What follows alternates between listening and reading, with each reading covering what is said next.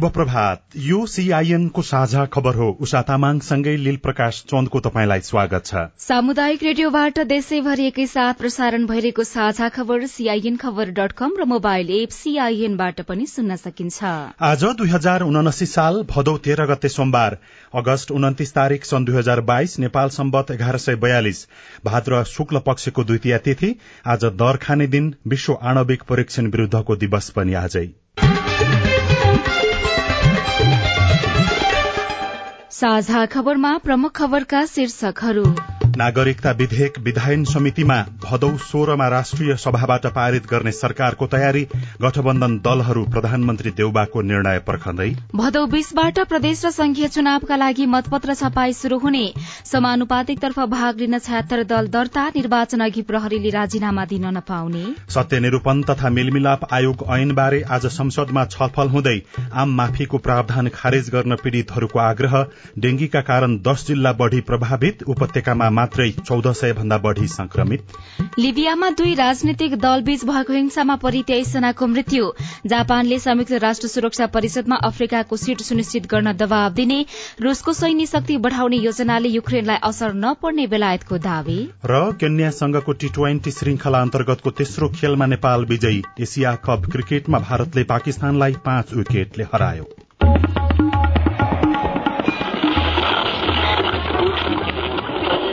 सयौं radio. हजारौं radio कर्मी र करोड़ौं नेपालीको माझमा यो हो सामुदायिक सूचना नेटवर्क सीआईएन साझा खबरको सबैभन्दा शुरूमा भदौ सोह्रमा राष्ट्रिय सभाबाट नागरिकता विधेयक पारित गर्ने सरकारको तयारी बारेको प्रसंग। राष्ट्रपतिबाट पुनर्विचारका लागि पन्ध्र सन्देश सहित फिर्ता भएको नागरिकता विधेयकलाई राष्ट्रिय सभाले छलफलका लागि विधान व्यवस्थापन समितिमा पठाएको छ। सदनमै छलफल गर्नुपर्ने बताउँदै आएको सरकार र सत्तारूढ़ गठबन्धन पछाडि हटेपछि यो विधेयक विधान व्यवस्थापन समितिमा पुगेको हो। हिजो बसेको राष्ट्रिय सभाको बैठकमा गृहमन्त्री बालकृष्ण खाँडले व्यवस्थापन समितिमा पठाइयोस् भन्ने प्रस्ताव प्रस्तुत गर्नुभएको थियो जसलाई राष्ट्रिय सभाले सर्वसम्मतिले स्वीकृत गरेको हो। यो प्रस्तावको पक्षमा हुने माननीय सदस्यले हुन्छ भन्नुहोला र यसको विपक्षमा हुने माननीय सदस्यहरूले हुन्न भन्नुहोला। यो प्रस्तावको पक्षमा हुने माननीय सदस्यले हुन्छ भन्नुहोस्। यो प्रस्तावको विपक्षमा हुने माननीय सदस्यले हुन्न भन्नुहोस्। हुन्न भन्ने आवाज सुनिएन। तसर्थ नेपाल नागरिकता पहिलो संशोधन विधेयक दुई हजार उनासीलाई पुनर्विचारका लागि विधान व्यवस्थापन समितिमा पठाइयोस् भन्ने प्रस्ताव सर्वसम्मतिले स्वीकृत भएको घोषणा गर्दछु। विधेयकमाथि अब राष्ट्रिय सभाको विधान व्यवस्थापन समितिमा दफावार छलफल हुनेछ। विषयगत समितिले अब विधेयक पारित गरेर समितिको प्रतिवेदन सहित पुनः सभामा पेश गर्नेछ। समितिको प्रतिवेदन प्रस्तुत भएपछि त्यसको प्रतिवेदन सदस्यलाई वितरण गरिनेछ। नागरिकता विधेयकमा पुनर्विचार गर्न राष्ट्रिय सभाको विधान व्यवस्थापन समितिको बैठक आज बस्दैछ।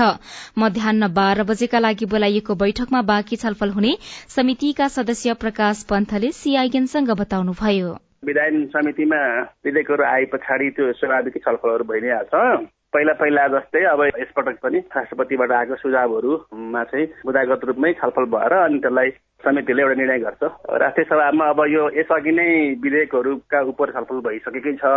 अन्य सांसदहरूले राख्नु भएको संशोधन उप पनि पहिले नै छलफल भइसकेका स्थिति हो। अब खालि राष्ट्रपतिले पठाएको सुझावलाई चाहिँ त्यही सुझावमा केन्द्रित छलफल नै हुन्छ।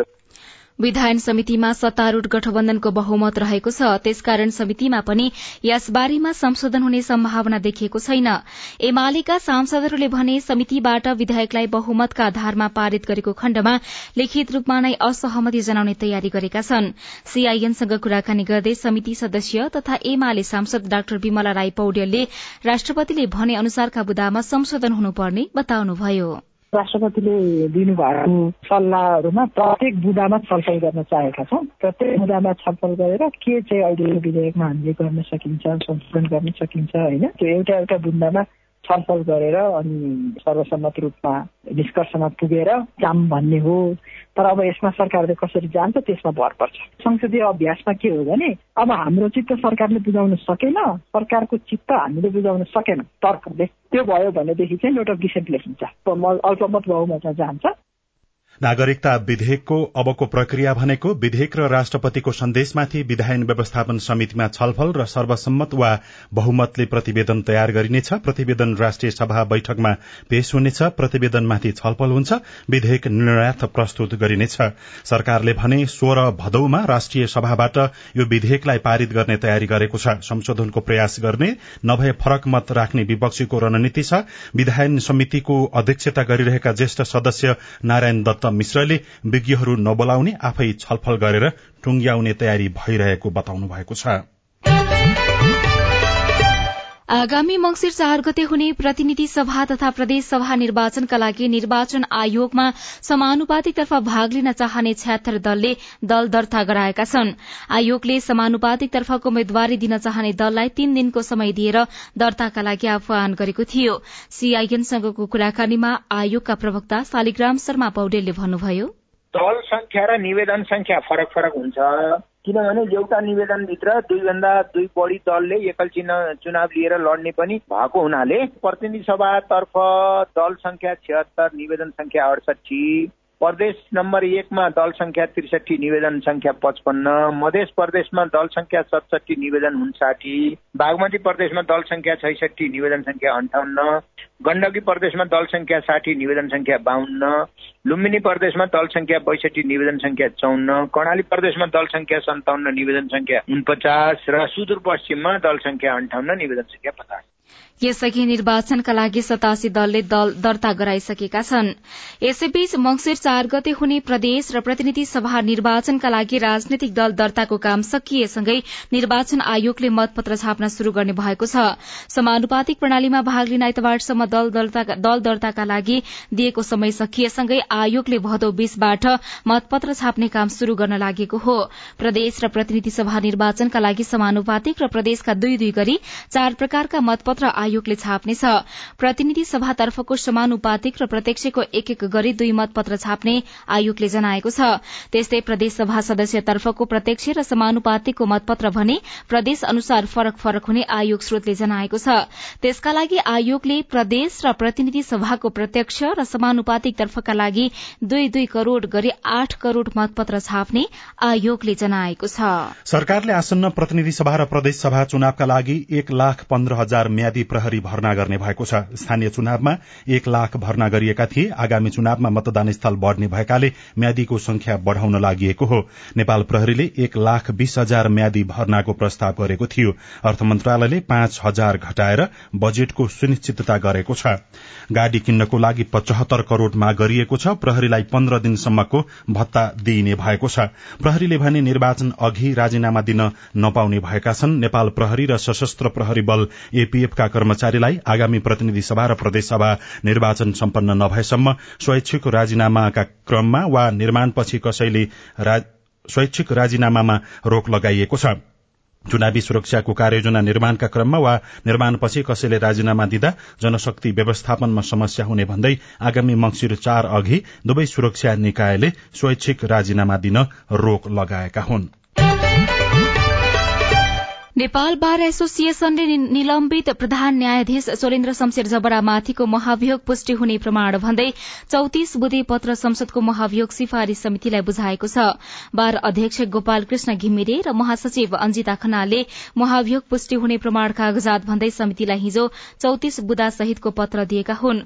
बारले प्रधान न्यायाधीश जबरा उपरको महाभियोग प्रस्तावलाई पुष्टि गर्ने कागजात विवरण जानकारी लगायतका प्रमाणहरू बुझाइएको उल्लेख छ। महाभियोग सिफारिश समितिले अब यसलाई थप अध्ययन गर्ने सदस्य राम बहादुर विष्टले सीआईएनलाई जानकारी दिनुभयो। अब समितिलाई त भर्खर उजुरी आउँदैछन्। कानुनी समाज भन्ने भूतपूर्व प्रधानमन्त्रीहरूको पनि छ। सबै समितिका सदस्यको हातमा पुग्छ। त्यो अध्ययन गर्नु पर्यो त्यस विषयमा। त्यहीका बारेमा पनि अब कतिपय सोध्नुपर्ने प्रश्नहरू त महाभियोग दर्ता जुन गरिएको छ त्यसैमा एक्काइसवटा पोइन्ट बुदाहरू छ। एक्काइसवटा बुदा भनेको प्रश्नको रूपमा त्यो आएका छन्। त्यहीलाई नै सोधिने हो त्यसको थप कुराहरू सदस्यलाई लागेमा सोध्न सकिने पनि भयो। त्यो किसिमले अगाडि बढ्ने हो। महाभियोग सिफारिश समितिले यही भदौ दश गते शुक्रबार तीन दिनभित्र महाभियोगको प्रमाणहरू पेश गर्न नेपाल बार र सर्वोच्च बारलाई पत्राचार गरेको थियो। यसैबीच बेपत्ता पारिएका व्यक्तिको छानबिन सत्य निरूपण तथा मेलिमिलाप आयोग ऐन दुई हजार एकहत्तरमाथि संसदमा आज छलफल हुँदैछ। विधेयकको सैद्धान्तिक पक्षमाथि छलफल भएपछि सांसदहरूलाई संशोधन गर्न मन भए प्रस्ताव पेश गर्न बहत्तर घण्टाको समय दिइनेछ। गम्भीर मानव अधिकार उल्लंघनका दोषीलाई आम माफी दिने घुमाउरो प्रावधान खारेज गर्न द्वन्द पीड़ितहरूले भने सांसदहरूसँग अनुरोध गरेका छन्।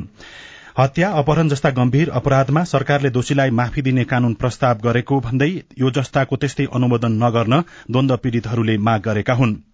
द्वन्दको समयमा मारिएका प्रहरीको परिवारजन सम्मिलित संगठन अमर प्रहरी परिवारकी महासचिव रामकुमारी थापा खड्काले सबै सांसद र सिंगो संसदलाई आग्रह गरिएको र मानव अधिकारको गम्भीर उल्लंघनका घटनामा आम माफी दिने काम कुनै पनि हालतमा आफूहरूलाई मान्ने नहुने बताउनु भएको छ। कानून मन्त्री गोविन्द शर्मा कोइरालाले असार एकतीसमा संसदमा विधेयकको संशोधन मसौदा दर्ता गर्दै द्वन्दकालमा भएका घटनालाई मानव अधिकारको उल्लंघन र गम्भीर उल्लंघन भनी दुई प्रकारले परिभाषित प्रकाशित गरिएको बताउनु भएको थियो।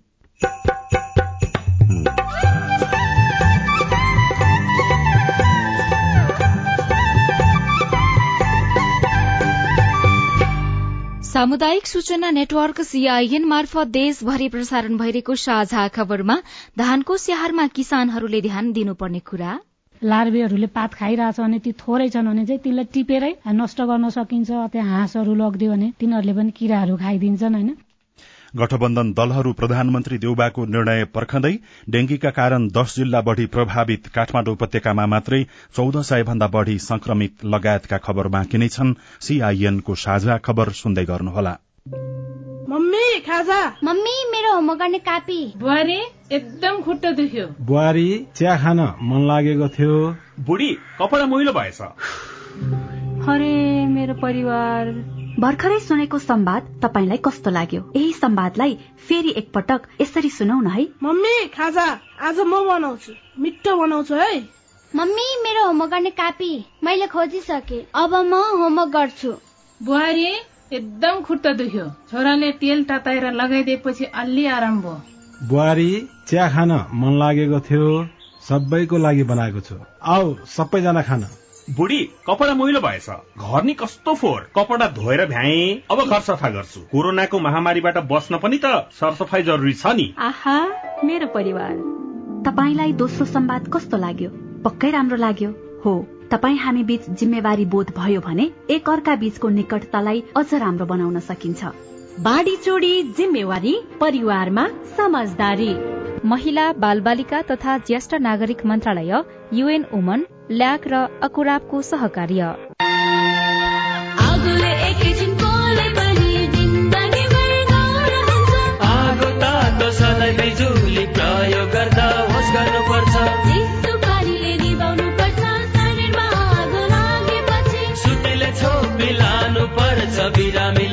स्वास्थ्य चौकी। नानी हो हुन्न भान्सामा खेल्नु तातो र बल्ने सामान हुन्छ। होस गरी चलाऊ स्टोभ र ग्यास भुइँमा पकाए दुर्घटना बढ्छ। अग्निजन्य दुर्घटना भएमा शून्य एक पचपन्न पचपन्न छ आठ नौमा सम्पर्क गर्नुहोस्। बीबीएस नेपाल ललितपुर। सामाजिक रूपान्तरणका लागि यो हो सामुदायिक सूचना नेटवर्क सीआईएन तपाई अहिले देशभरिका सामुदायिक रेडियो सीआईएन खबर डट कम र मोबाइल एप सीआईएनबाट एकैसाथ साझा खबर सुन्दै हुनुहुन्छ। अब बाँकी खबर। अन्य प्रदेशको तुलनामा बागमती प्रदेशमा महिला हिंसाका घटना धेरै हुने गरेको पाइएको छ। राष्ट्रिय महिला आयोगका अनुसार गत आर्थिक वर्षमा आयोगमा दर्ता भएका उजुरीहरूमध्ये करिब पचहत्तर प्रतिशत उजुरी बागमती प्रदेशका महिलाहरूबाट प्राप्त भएका छन्। गत आर्थिक वर्ष आयोगमा एक हजार पाँच सय सतहत्तर उजुरी दर्ता भएकोमा बागमती प्रदेशबाट मात्रै एक हजार एक सय त्रिहत्तर उजुरी दर्ता भएको हो। यस्तै सबैभन्दा कम उजुरी कडाली प्रदेशबाट चौबिसवटा दर्ता भएको छ। प्रदेश एक र मधेस प्रदेशबाट सतहत्तर गण्डकी बाट अन्ठाउन्न लुम्बिनी प्रदेशबाट अस्सी र सुदूरपश्चिमबाट त्रिपन्न उजुरी प्राप्त भएको छ। प्राप्त उजुरी मध्ये एक हजार तीन सय पचपन्न उजुरी घरेलु हिंसाका छन् भने दुई सय बीस उजुरी अन्य हिंसासँग सम्बन्धित रहेका छन्।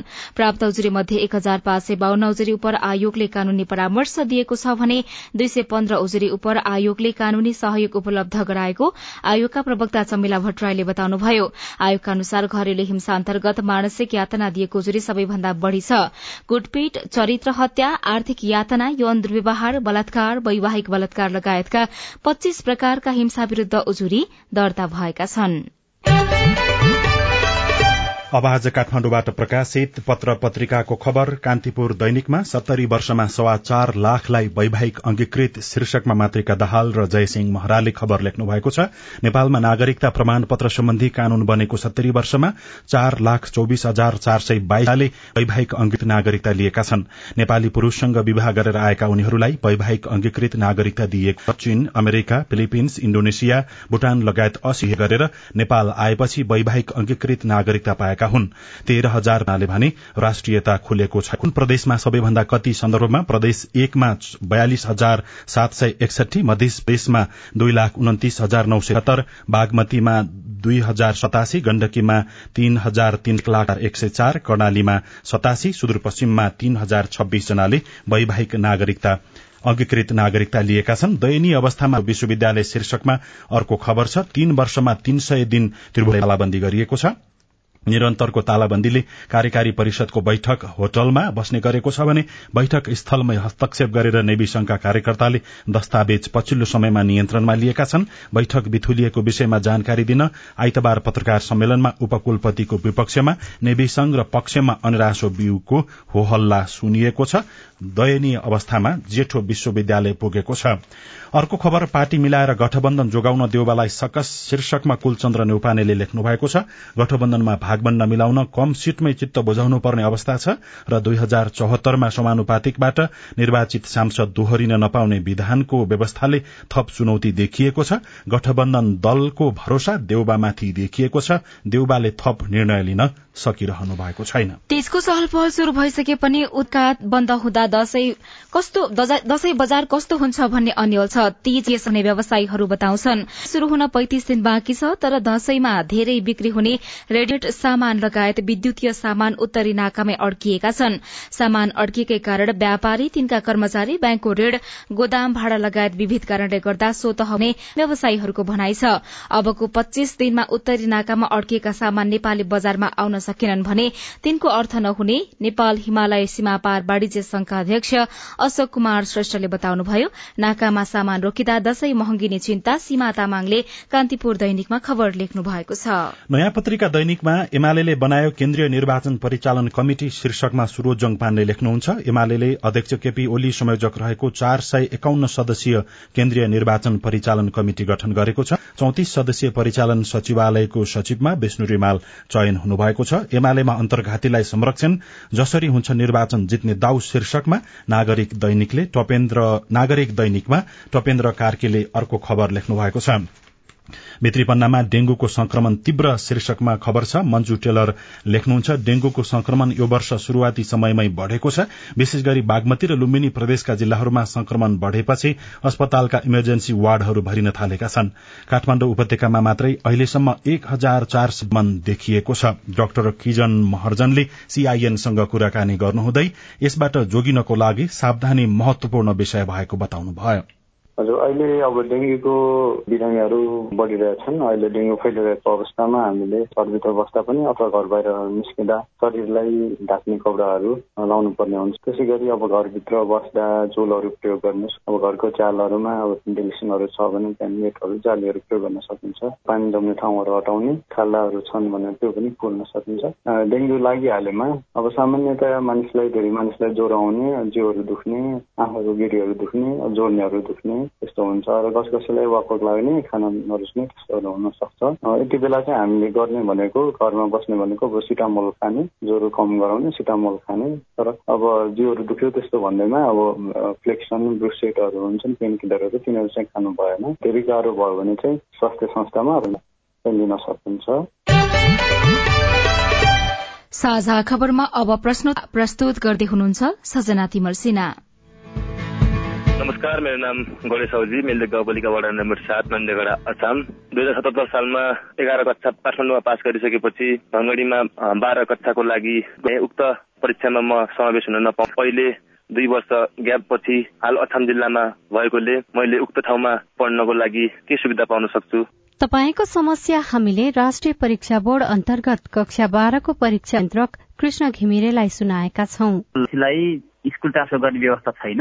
उहाँले कि सम्बन्धित विद्यालयमै पहिले जहाँ पढे त्यही पढेर जहाँ दिनुपर्ने हुन्छ त्यसमाथि पनि यसपालि दुई हजार एकहत्तर सालको लागि अन्तिम पटक भन्दा परीक्षाको लागि सहभागी गर्न हामीले सूचना जारी गरिसकेका छौँ। त्यसपछि उहाँले अब परीक्षा दिने सम्भावना पछि निर्णय भयो भने धेरै कुरो अब उहाँले पुरै नयाँ कोर्स अनुसार नयाँ रजिस्ट्रेसन गरेर पढ्नुपर्ने हुन्छ। अब उहाँको टाइम सकिसक्यो। नमस्कार म कालीकोटबाट प्रेम भण्डारा हो। मैले दुई हजार उनासी सालको एससी परीक्षा दिएको थिएँ। मेरो प्रवेश पत्रमा भएको जन्ममिति र एससीको मार्कसिटमा जन्ममिति फरक परेको छ। यो कसरी र कहाँ गएर सत्याउन सकिन्छ होला?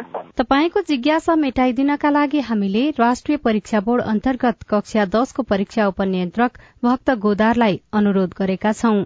तपाईँले प्रवेश पत्रको सक्कल लिएर सम्बन्धित प्रदेशमा अथवा चाहिँ परीक्षा नियन्त्रण कार्यालयमा सोझै आउनुभयो भने तपाईँको सचिने व्यवस्था छ। जहाँ गएर सजाउन पनि सक्नुहुन्छ छ महिनाभित्र जानु पर्यो। नमस्कार म अचामको ढकारी गाउँपालिका वडा नम्बर आठबाट धनञ्जय जैसी लोक सेवा आयोगले लिएको परीक्षा नेपाल पुलिस जवान जनपदको वैशाख गस्पति लिएको परीक्षाको अहिलेसम्म नतिजा प्रकाशन नहुनुको कारण के हो? जवाफ दिँदै हुनुहुन्छ लोकसेवा आयोगका प्रवक्ता तोय नारायण सुवेदी कहिलेकाहीँ नतिजा तयारी गर्ने क्रममा केही टेक्निकल कारणले गर्दाखेरि चाहिँ अलिक ढिला हुन सक्छ। अब नतिजा तयारी भइरहेको छ। सम्भवतः छिट्टै नतिजा प्रकाशन हुन्छ होला। म दिपक आचार्य सिङ्गिलीबाट एक नम्बर प्रदेश लोकसेवा आयोग विराटनगरले गत साउन सात गते लिएको अधिकृत छैटौं तहको प्रथम पत्रको नतिजा कहिले सार्वजनिक हुन्छ? तपाईँको प्रश्न हामीले प्रदेश एकको लोकसेवा आयोगका प्रवक्ता उपसचिव तीर्थ प्रसाद धिताललाई सुनाएका छौं। दुई चार दिन तलमाथि हुन सक्छ। तर आफ्नो कार्यपालिकाभित्रै सबै नतिजा चाहिँ सार्वजनिक गर्ने प्रयासमा लोकसेवा आयोग अहोरात्र खटिराखेको यहाँलाई जानकारी गराउन चाहन्छु। नमस्कार म राम थापा बोलेको झापाबाट। माध्यमिक तहको सहायक अथवा लेखापालका लागि चाहिँ योग्यता कति हुनुपर्छ भनेर मैले बुझ्न खोजेको। तपाईँको जिज्ञासा मेटाउँदै हुनुहुन्छ शिक्षा तथा मानव स्रोत विकास केन्द्रका प्रवक्ता डिलिराम लुइटेल। लेखापाल भनेपछि प्राविको पनि हुन्छ। सलेखापाल लेखापाल लेखा अधिकृत भन्ने हुन्छ होइन? त्यसैले लेखापाल भनेपछि चाहे त्यो माध्यमिक तहको होस् चाहे प्राथमिकको होस् चाहे चाहिँ उच्च माध्यमिक होस् एउटै योग्यता हो नि त। लेखा राख्ने व्यक्ति हो त्यो होइन? त्यसैले व्यवस्थापन विषयमा प्लस टू उत्तीर्ण गरेको मान्छे चाहिन्छ। तपाई जुनसुकै बेला हाम्रो टेलिफोन नम्बर शून्य एक बान्न साठी छ चार छमा फोन गरेर आफ्नो प्रश्न जिज्ञासा गुनासा तथा समस्या रेकर्ड गर्न सक्नुहुनेछ। साझा खबरमा अब विदेशको खबर लिबियाको राजधानी त्रिपोलीमा दुई राजनैतिक समूह बीच भएको हिंसामा परि कम्तीमा तेइस जनाको मृत्यु भएको छ। लिबियाको स्वास्थ्य मन्त्रालयका अनुसार झडपमा परि बाह्र जना भन्दा बढ़ी घाइते भएका छन्। सन् दुई हजार एघारमा नाटो समर्थित विद्रोहपछि लिबियामा युद्धको अवस्था उत्पन्न भएको हो। यसैबीच संयुक्त राष्ट्र संघको लिबिया मिशनले झडपलाई तत्काल रोक्न अपील गरेको छ। जापानले संयुक्त राष्ट्र सुरक्षा परिषदमा अफ्रिकाको सीट सुनिश्चितताका लागि दबाव दिने भएको छ। जापानका प्रधानमन्त्री फुमियो केशिदारे हिजो अफ्रिकी विकास सम्बन्धी टोकियो अन्तर्राष्ट्रिय सम्मेलनमा अफ्रिकामाथि भइरहेको अन्यायलाई रोक्न सुरक्षा परिषदमा स्थायी सदस्यता दिनुपर्ने बताउनुभयो। बेलायतले रूसले बनाएको सैन्य योजनाले युक्रेन युद्धमा कुनै असर नगर्ने बताएको छ। रूसले आफ्नो सैन्य शक्ति बढ़ाउनका लागि अठारदेखि सत्ताइस वर्ष उमेर समूहका युवालाई सेनामा भर्ती गराउने योजना चलिरहेको छ। र कुनै बेला बादर जस्तै चोपाया हाम्रो पुर्खा कहिलेदेखि दुई खुट्टाले उभिन र हिडुल गर्न थाल्यो भन्ने विषयमा नयाँ तथ्य सार्वजनिक भएको छ। नयाँ अध्ययनले सत्तरी लाख वर्ष अघिदेखि नै मानव पुर्खाले दुई खुट्टाले हिँड्ने अभ्यास शुरू गरेको देखाएको हो। साझा खबरमा अब खेल खबर। नेपालले केन्यासँगको टी ट्वेन्टी श्रृंखला अन्तर्गतको तेस्रो खेल जितेको छ। नैरोबी स्थित जिमखाना क्रिकेट मैदानमा हिजो भएको खेलमा नेपालले केन्यालाई चार विकेटले हराउँदै जित हात पारेको हो। केन्याले दिएको एक सय सन्ताउन्न रनको लक्ष्य नेपालले उन्नाइस ओभरमा उन्नाइस ओभर तीन बलमा छ विकेट गुमाएर पूरा गर्यो। जितसँगै पाँच खेलको सिरिज नेपालले दुई एकको स्थितिमा ल्याएको थियो। नेपाल र केन्या बीचको चौथो खेल आज हुँदैछ। श्रीलंकामा आयोजना हुने साफ सत्र वर्ष मुनिको पुरूष च्याम्पियनशीप र भियतनाममा हुने एएफसी सत्र वर्ष मुनिको एसियन कप छनौट फुटबलका लागि नेपाली टोलीको घोषणा भएको छ। टोलीको मुख्य प्रशिक्षक उर्जन श्रेष्ठले हिजो चौविस सदस्यीय टोलीको घोषणा गर्नुभएको हो। साफ सत्र वर्ष मुनिको खेल आगामी सेप्टेम्बर पाँचबाट शुरू हुनेछ भने सत्र वर्ष मुनिको एसियन कप छनौट अक्टोबर एकदेखि नौसम्म हुनेछ र एसिया कप क्रिकेटमा भारतले सुखद शुरूआत गरेको छ। हिजो भएको दोस्रो खेलमा पाकिस्तानलाई पाँच विकेटले हराउँदै जित हात पारेको हो धानको गोडमेल र मलजलमा ध्यान दिँदा किसानलाई हुने फाइदा रेडियो कुराकानी स्वस्थ जीवन शैली सम्बन्धी सन्देश अरू खबर र कार्टुन पनि बाँकी नै छ सीआईएनको साझा खबर सुन्दै गर्नुहोला Dish Home FiberNet presents for the first time in Nepal. Get ready to get your mind blown with four times faster than 5G. We are introducing Wi-Fi 6, the only technology with artificial intelligence in Nepal. Mega 5. Get Kushi ko upgrade with Wi-Fi 6 routers and mesh nodes. Mega 5. Kushi ko upgrade. Dish Home FiberNet. सामाजिक रूपान्तरणका लागि यो हो सामुदायिक सूचना network CIN साझा खबरमा अब ध्यानको स्याहार सुसारमा ध्यान दिनुपर्ने कुरा। किसानहरू यति बेला खेतमा लगाइएका धानको झार गोड्ने र मल राख्ने चट्टालोमा छन्। केहीलाई समयमा पानी नपरेकाले सिंचाई गर्न नपाएकोमा चिन्ता छ तर कृषि विज्ञहरू भन्छन् पानी आवश्यक भए पनि धेरै पानी भने धानका लागि राम्रो होइन। किसानहरू अहिलेको समयमा पानीसँगै अन्य धेरै कुरामा सचेत बन्नुपर्छ। धानको झार कसरी गोड्ने मल राख्दा के के कुरामा ध्यान दिने लगायतका विषयमा कृषि विभागका उपमहानिर्देशक डाक्टर शान्ता कार्की सँग साथी अविनाश आचार्यले सोध्नु भएको छ।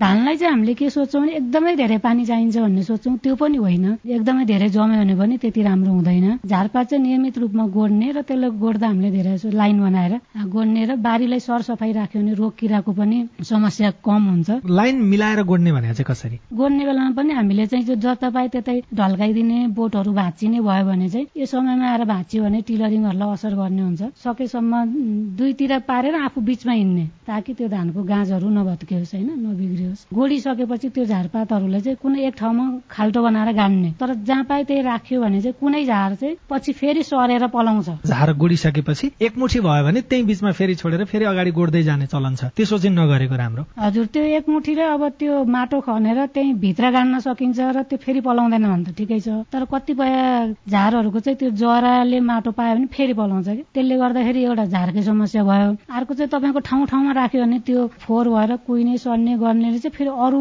जस्तै व्हाइट फ्लाइजहरू अलु झुङ्गाहरू त्यस्तो आउँछ र त्यसले चाहिँ रोग किराको भेक्टरको रूपमा नै काम गर्ने हुन्छ। त्यही भएर बारी चाहिँ सरसफाई गरेर त्यसलाई एक ठाउँमा मात्रै गाड्ने जस्तो गर्यो भने बाली सरसफाई हुन्छ। कुनै कुनै किरा चाहिँ मित्र किरा पनि हुन्छन्। ती चिन्ने कसरी? मित्र किरा पनि हुन्छन् होइन? अब हामीले चाहिँ तिनीहरूलाई जस्तै प्रिडेटर्सहरू भनिन्छ जुनले चाहिँ हानिकारक किराहरूलाई खान्छन्। यो रोग किरा अलिअलि देखिँदैमा विषादी चाहिँ नछर्नु भन्छौँ किसानलाई किनभने जुन मित्र किराहरू छन् तिनीहरूलाई पनि असर गर्छ। त्यही भएर थोरै अलिअलि ठाउँमा मात्रै देखिया छ हामीले त्यो रोग लागेको मात्रै टिपेर फालिदिन सक्छौँ। लार्वेहरूले पात खाइरहेछ भने ती थोरै छन् भने चाहिँ तिनलाई टिपेरै नष्ट गर्न सकिन्छ। त्यहाँ हाँसहरू लगिदियो भने तिनीहरूले पनि किराहरू खाइदिन्छन् होइन? अन्तिम विकल्पको रूपमा मात्रै विषादी छर्ने र त्यो पनि कति अमाउन्टमा छर्ने कुन बेला छर्ने भन्नलाई चाहिँ प्राविधिकको सुझाव अनुसार गर्नलाई म सुझाव दिन चाहन्छु। धानमा चाहिँ धेरै जसो एउटा एजोला भन्ने हुन्छ त्यसले नाइट्रोजन फिक्सेसन गर्छ है। त्यसले गर्दा एजोला झार हो त्यस्तो कुनै सिम्बायोटिक झार जसले चाहिँ नाइट्रोजनहरू फिक्सेसन गर्छ भने। त्यो नाइट्रोजन दिन्छ भनेर किसानले चिन्ने चाहिँ कसरी? एउटा